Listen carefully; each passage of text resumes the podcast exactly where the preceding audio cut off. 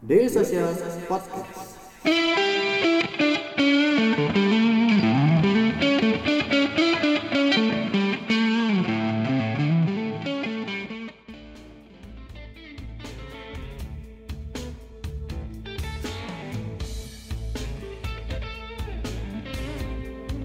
Halo teman-teman semua, selamat malam. Kembali lagi di Selasa Startup bersama dengan Daily Social. Jadi gimana nih kabarnya selama WFA? Makasih ya sudah meluangkan waktunya untuk menyaksikan live streaming Selasa Startup dan tetap di rumah aja. Malam ini saya Tantri Aryani akan memandu Selasa Startup dengan tema The Art of Culinary Business Transformation. Nah untuk tema kali ini kita akan ngobrol-ngobrol sama Mas uh, Andi Fajar Andika, founder dari Kulina. Selamat malam Mas Andi. Halo malam. Ya, mungkin uh, buat teman-teman semuanya sebelum kita masuk ke sesi uh, ngobrol-ngobrolnya, aku akan jelasin sedikit dulu. Mungkin ada teman-teman yang baru tahu tentang Daily Social atau baru join untuk acara Selasa Startup. Jadi uh, Daily Social sendiri merupakan media yang kita fokusnya di uh, opini, informasi seputar startup dan teknologi. Dan biasanya nih kita ngadain Selasa Startup memang selalu setiap hari Selasa, tapi secara offline di kantor kita. Cuman uh, berhubung kita semua nih tim Daily Social lagi WFH, jadi kita adain SS-nya via live streaming online di mana teman-teman kalian semuanya bisa tetap uh, dapetin informasi yang menarik tanpa harus keluar rumah. Nah, uh, mungkin itu aja sedikit tentang DS. Hmm. Sekarang kita uh, akan ngobrol-ngobrol sama Mas Andi Mungkin uh, Mas Andi boleh perkenalkan diri dulu sama cerita sedikit sih sebenarnya uh, Kulina ini uh, bisnis seperti apa, bergeraknya di bidang apa dan uh, sebagainya. Silakan Mas Andi.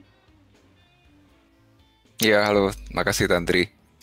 Kita udah ini ya, apa terakhir kayaknya dari daily sosial udah minta aku sharing udah bulan-bulan yang lalu tapi terus malah kalau uh, datang ke kantor nggak bisa-bisa sekarang malah jadi bisa jadi uh, oke, okay. Kulina itu bisa dikatakan sebagai marketplace untuk catering sih.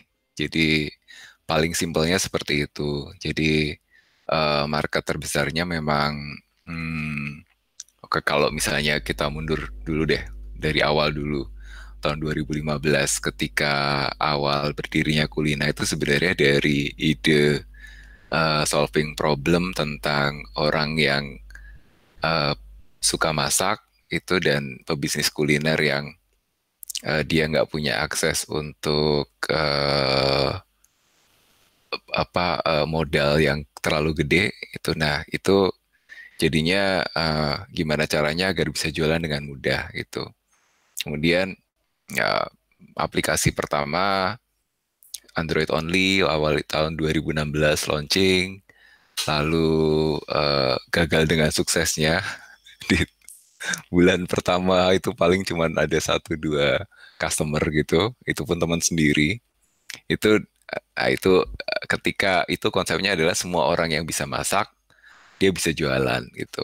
Nah kemudian uh, kita pivot beberapa bulan kemudian ke bukan nggak hanya eh, uh, bukan untuk semua orang yang bisa masak, tapi kemudian lebih ke catering sebagai supply side-nya, karena ini bisnis dua sisi, supply sama demand. Kemudian ke demand-nya itu lebih spesifik ke orang kantoran, itu yang dan itu melayani makan siang di Jakarta gitu. Nah itu mulai kemudian growing, dapat investment dan terus sampai sekarang ini gitu.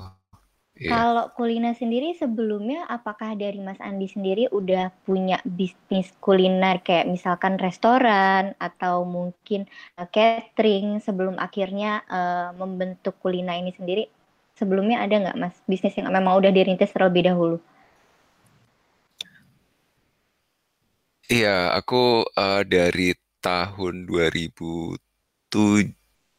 mungkin ya, itu udah berbisnis uh, restoran. Jadi dan udah di bisnis uh, dari 2004 mungkin. Jadi udah sekitar 10 tahunan itu di bisnis brick and mortar restoran gitu yang ada wujud fisiknya uh, punya dan run beberapa restoran. Waktu itu di Jogja sih uh, ada restoran ada food court gitu. Terus ada uh, restoran Indonesia uh, peranakan kerja sama almarhum Pak Bondan, lalu ada restoran Korea gitu.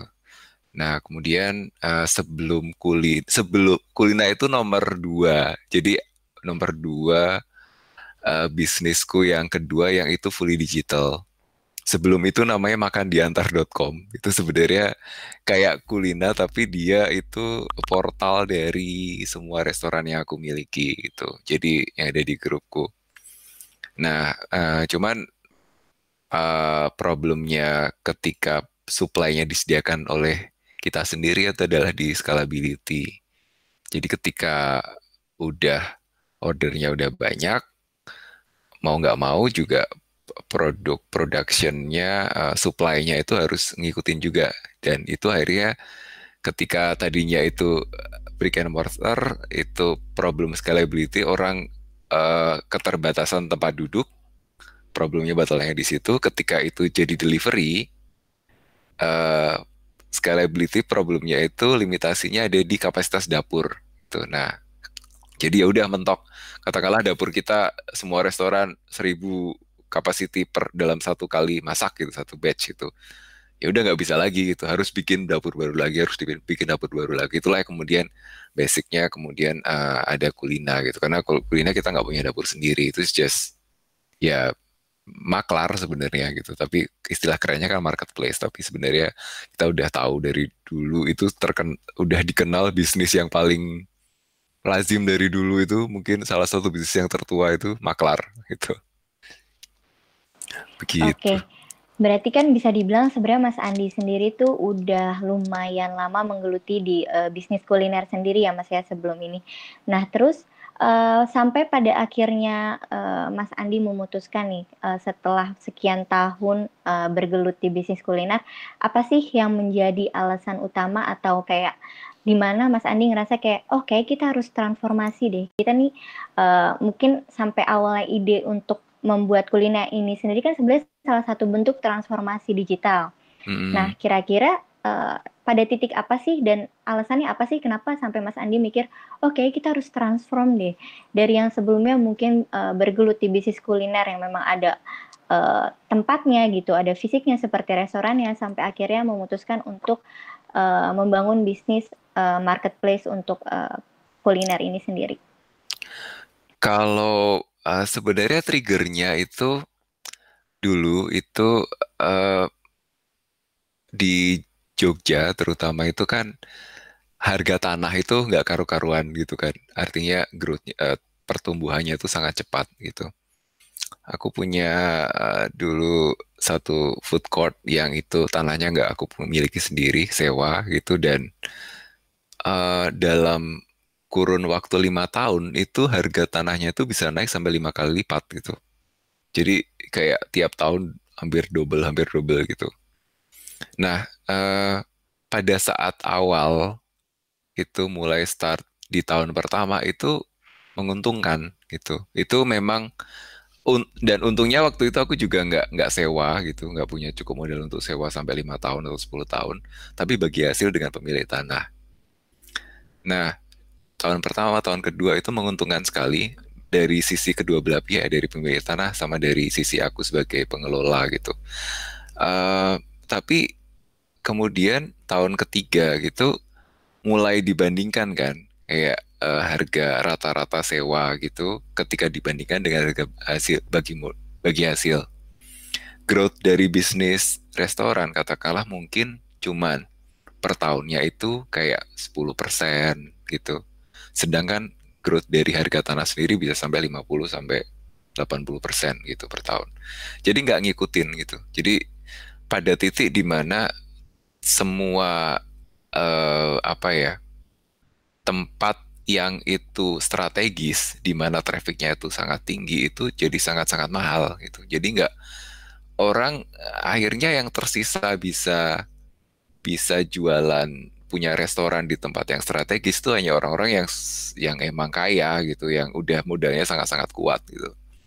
Nah, untuk hacking itu itu kemudian idenya adalah sebenarnya kita tuh perlu gak sih kalau gimana caranya bisa punya uh, steady income gitu, punya punya revenue yang bagus tapi tanpa harus uh, punya tempat yang strategis tanpa harus bayar mahal gitu. Nah, itulah kemudian ditransformasi menjadi itu delivery gitu. Fokusnya jadi delivery. Tadinya yang 100% gitu uh, apa dine in, kemudian mulai ada di tiap restoran ada ada delivery uh, service-nya. Waktu itu belum zaman on demand delivery yang hijau-hijau berlogo hijau sekarang ini sih. Jadi uh, itu tapi kita punya service sendiri, lalu kemudian akhirnya port dibikin portal jadi semua restoran jadi jadi satu portal itu. Tapi kemudian ya tetap itu tadi itu itu transformasi digital yang pertama gitu. Dengan masih separuh-separuh artinya separuhnya itu karena uh, supply-nya masih kita handle sendiri gitu. Itu jadi kita masih uh, dari dari apa sih dari hulu ke hilirnya gitu. Gitu. Dek, ngobrol yuk. Ngobrolin apa bang? Ngobrolin startup bareng media sosial.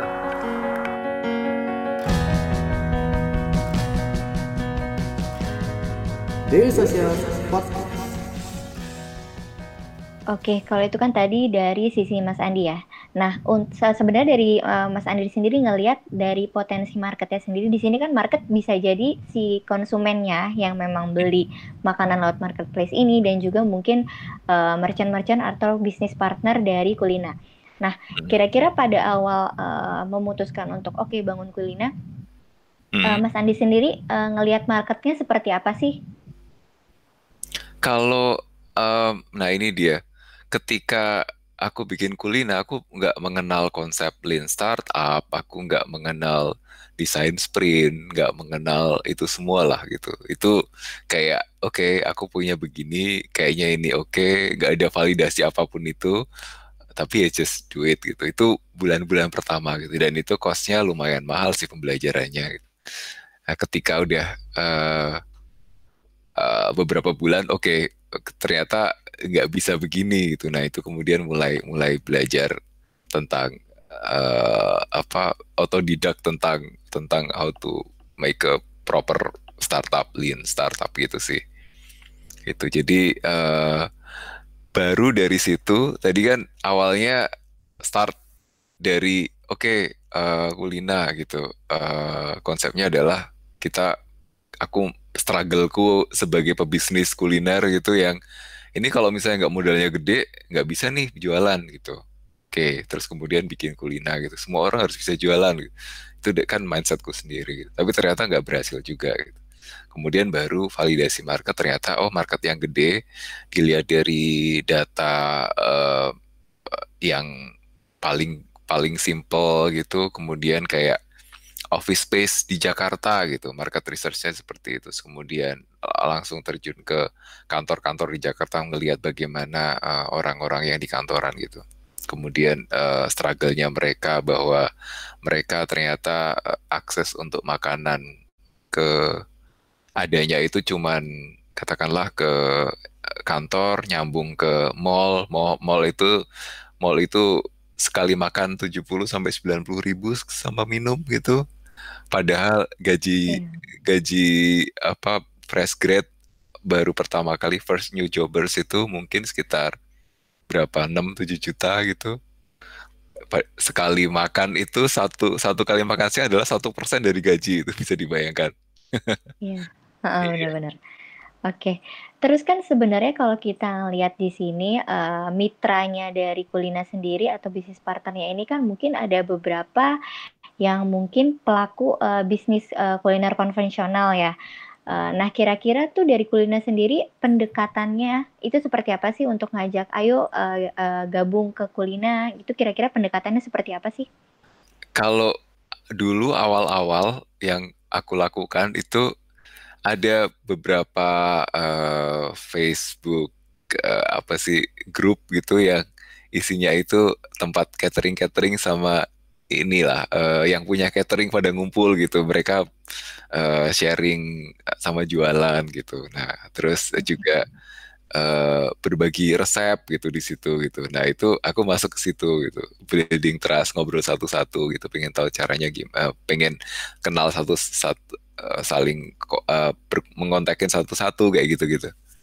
Ah, sampai pada titik di mana eh, datengin, ya bener-bener canvassing lah gitu. Untuk untuk katakanlah kayak berapa puluh caterers yang supply yang pertama gitu sampai kemudian terbentuk ada supply baru kemudian nyari demand-nya.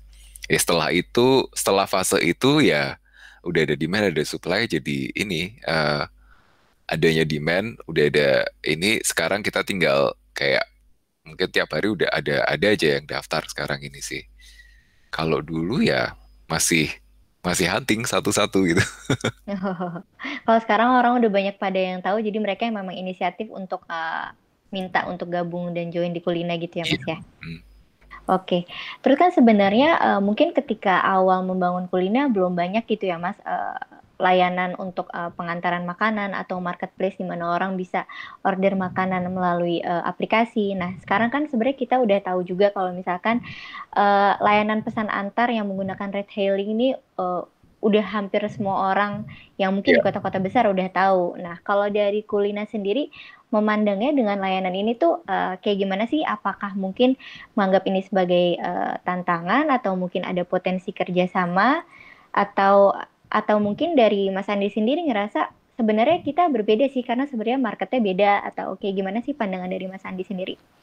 Em, aku sih melihat edukasi kita terbantu dengan edukasi market ya. I mean dulu zaman tahun 2000 aku di bisnis delivery makanan itu sejak mungkin kayak tahun 2010 itu yang yang udah mulai punya delivery service sendiri dengan eh, apa dengan chat di web itu eh, atau dengan iya dengan chat di web itu tanpa udah ada eh, itu mm, tapi dulu nggak nggak nggak nggak wajar gitu. Artinya belum umum gitu orang delivery makanan gitu. Dan melakukannya melakukan transaksi itu lewat internet. Itu sangat itu nggak lazim sekali gitu. Tapi dengan adanya retailing ini dengan masif dananya eh, yang gede-gedean untuk mensubsidi ini sih sebenarnya well oke gitu. Jadi semua orang itu tahu orang semua orang itu bisa delivery makanan gitu. Dan semua orang itu bisa dengan bisa sekarang dengan mudah menggunakan aplikasi atau website gitu. Nggak seperti dulu. Karena kalau kita mungkin audiensnya daily sosial kan udah sangat-sangat ini ya sangat-sangat teknologi apa semua early adopter gitu udah paham. Tapi kayak ngomongin beberapa tahun yang lalu bahkan sekarang ini pun kayak ada disparitas antara orang-orang yang di scene ini sama orang-orang kebanyakan yang di pinggir jalan yang mm, mungkin taunya internet itu cuman WhatsApp doang gitu gitu. Katakanlah gitu. Untuk untuk order pun dulu itu susah banget. Tanpa ada insentif yang sangat kuat soalnya pakai ini bisa jadi sangat murah gitu misalnya seperti itu sih. Nah kalau keberadaan mereka dari sisi apakah itu kompetisi atau bukan itu sih aku sih melihatnya kalau eh, sebelum era COVID-19 ini ya itu kalau eh, kulina itu posisinya adalah daily daily meals gitu bukan indulgence. Jadi yang dipesan itu eh, pesan sekali untuk katakanlah ber- beberapa minggu atau beberapa hari gitu nggak perlu mikir dia dat- datang makanannya itu ya tiap hari beda-beda gitu. Dari dan itu sangat-sangat terjangkau kata udah semua udah termasuk ongkos kirim karena sangat-sangat eh, sangat-sangat efisien eh, logisticsnya gitu. Bukan bukan one on one. Nah em, itu juga yang membedakan gitu. Kayak kuliah benar-benar start dari kayak 17.500 20.000 itu udah termasuk ongkos kirim setiap hari gitu. Dibandingkan dengan mm, ride hailing uh, on demand delivery yang ongkos kirimnya aja kalau nggak disubsidi itu belasan atau puluhan ribu gitu. Jadi ya nggak apa-apa gitu. Pesen memang customer kita itu kebanyakan juga menggunakan mereka gitu. Tapi indulgence kayak seminggu sekali gitu. Tapi yang yang di the rest dari lima hari kerja gitu yang empat hari kulina yang satu hari pesen apa gitu atau tambah martabak atau apa gitu. Nggak apa-apa gitu Oke, berarti fokusnya memang lebih untuk yang ke berlangganan kayak gitu ya, Mas ya?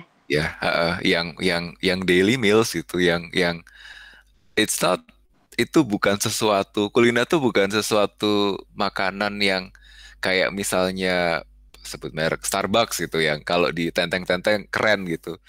Ya biasa aja gitu makan di kantor gitu. Kayak dua puluh ribu tiga puluh ribu gitu tapi that itu ya udah gitu yang kayak nggak nggak bukan bukan sesuatu yang dipamerkan tapi itu- it's there gitu It- itu provide your daily basic need gitu sih Jangan lupa subscribe Ngobrolin Startup Daily Social Podcast di SoundCloud, Spotify, atau aplikasi podcast favorit kamu.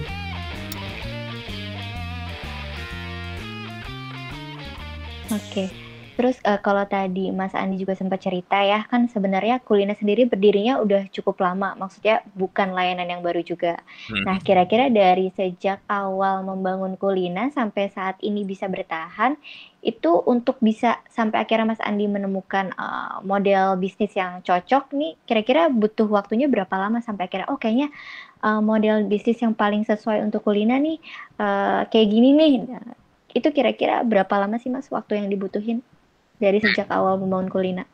kayaknya kalau perspektifnya sih nggak ada nggak mungkin ada yang benar-benar selalu ada micro change sih.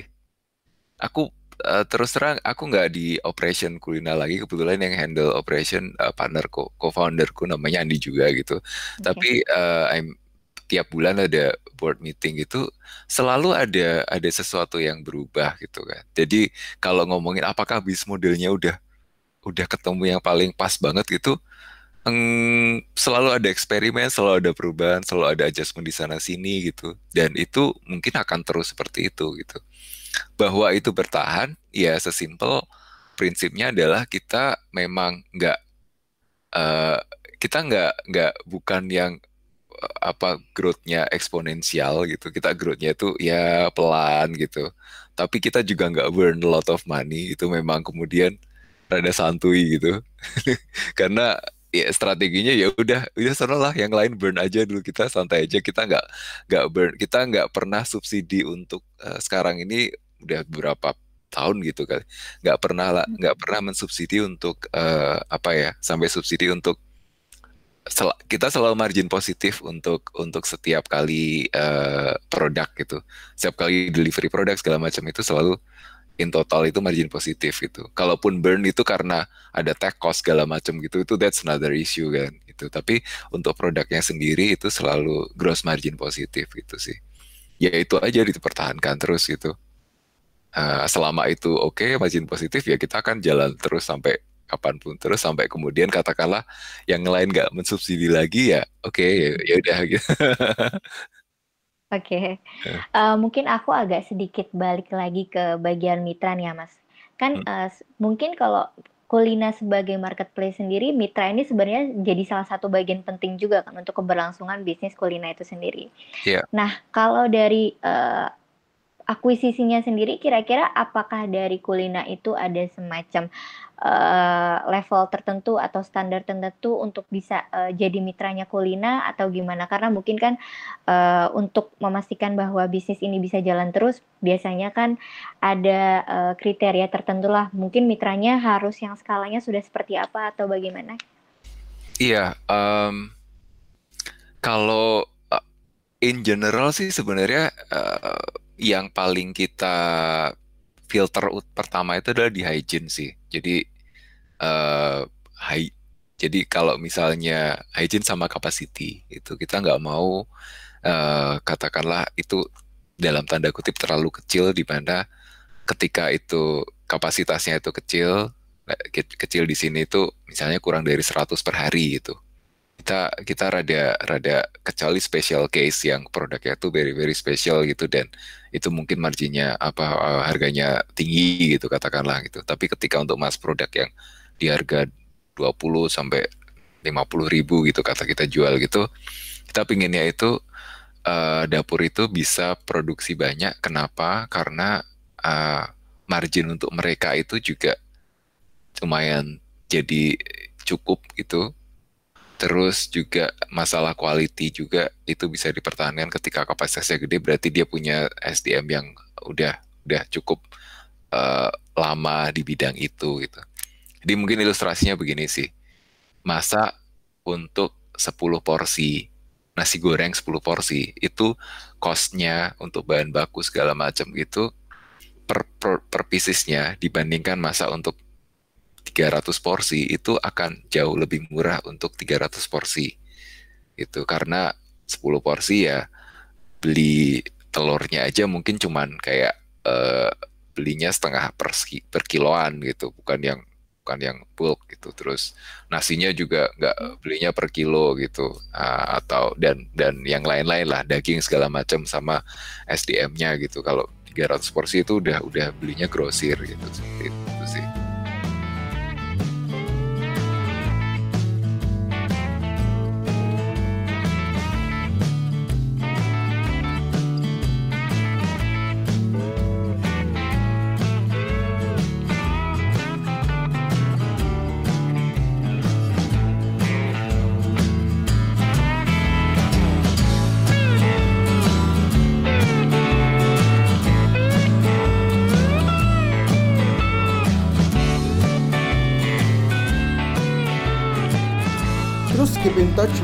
kita di dailysocial.id untuk website kita. Di Facebook kita ada dailysocial.id, di Twitter kita ada @dailysocial dan di Instagram kita ada @dailysocial.id. Di LinkedIn kita ada Daily Social dan di YouTube kita ada Daily Social.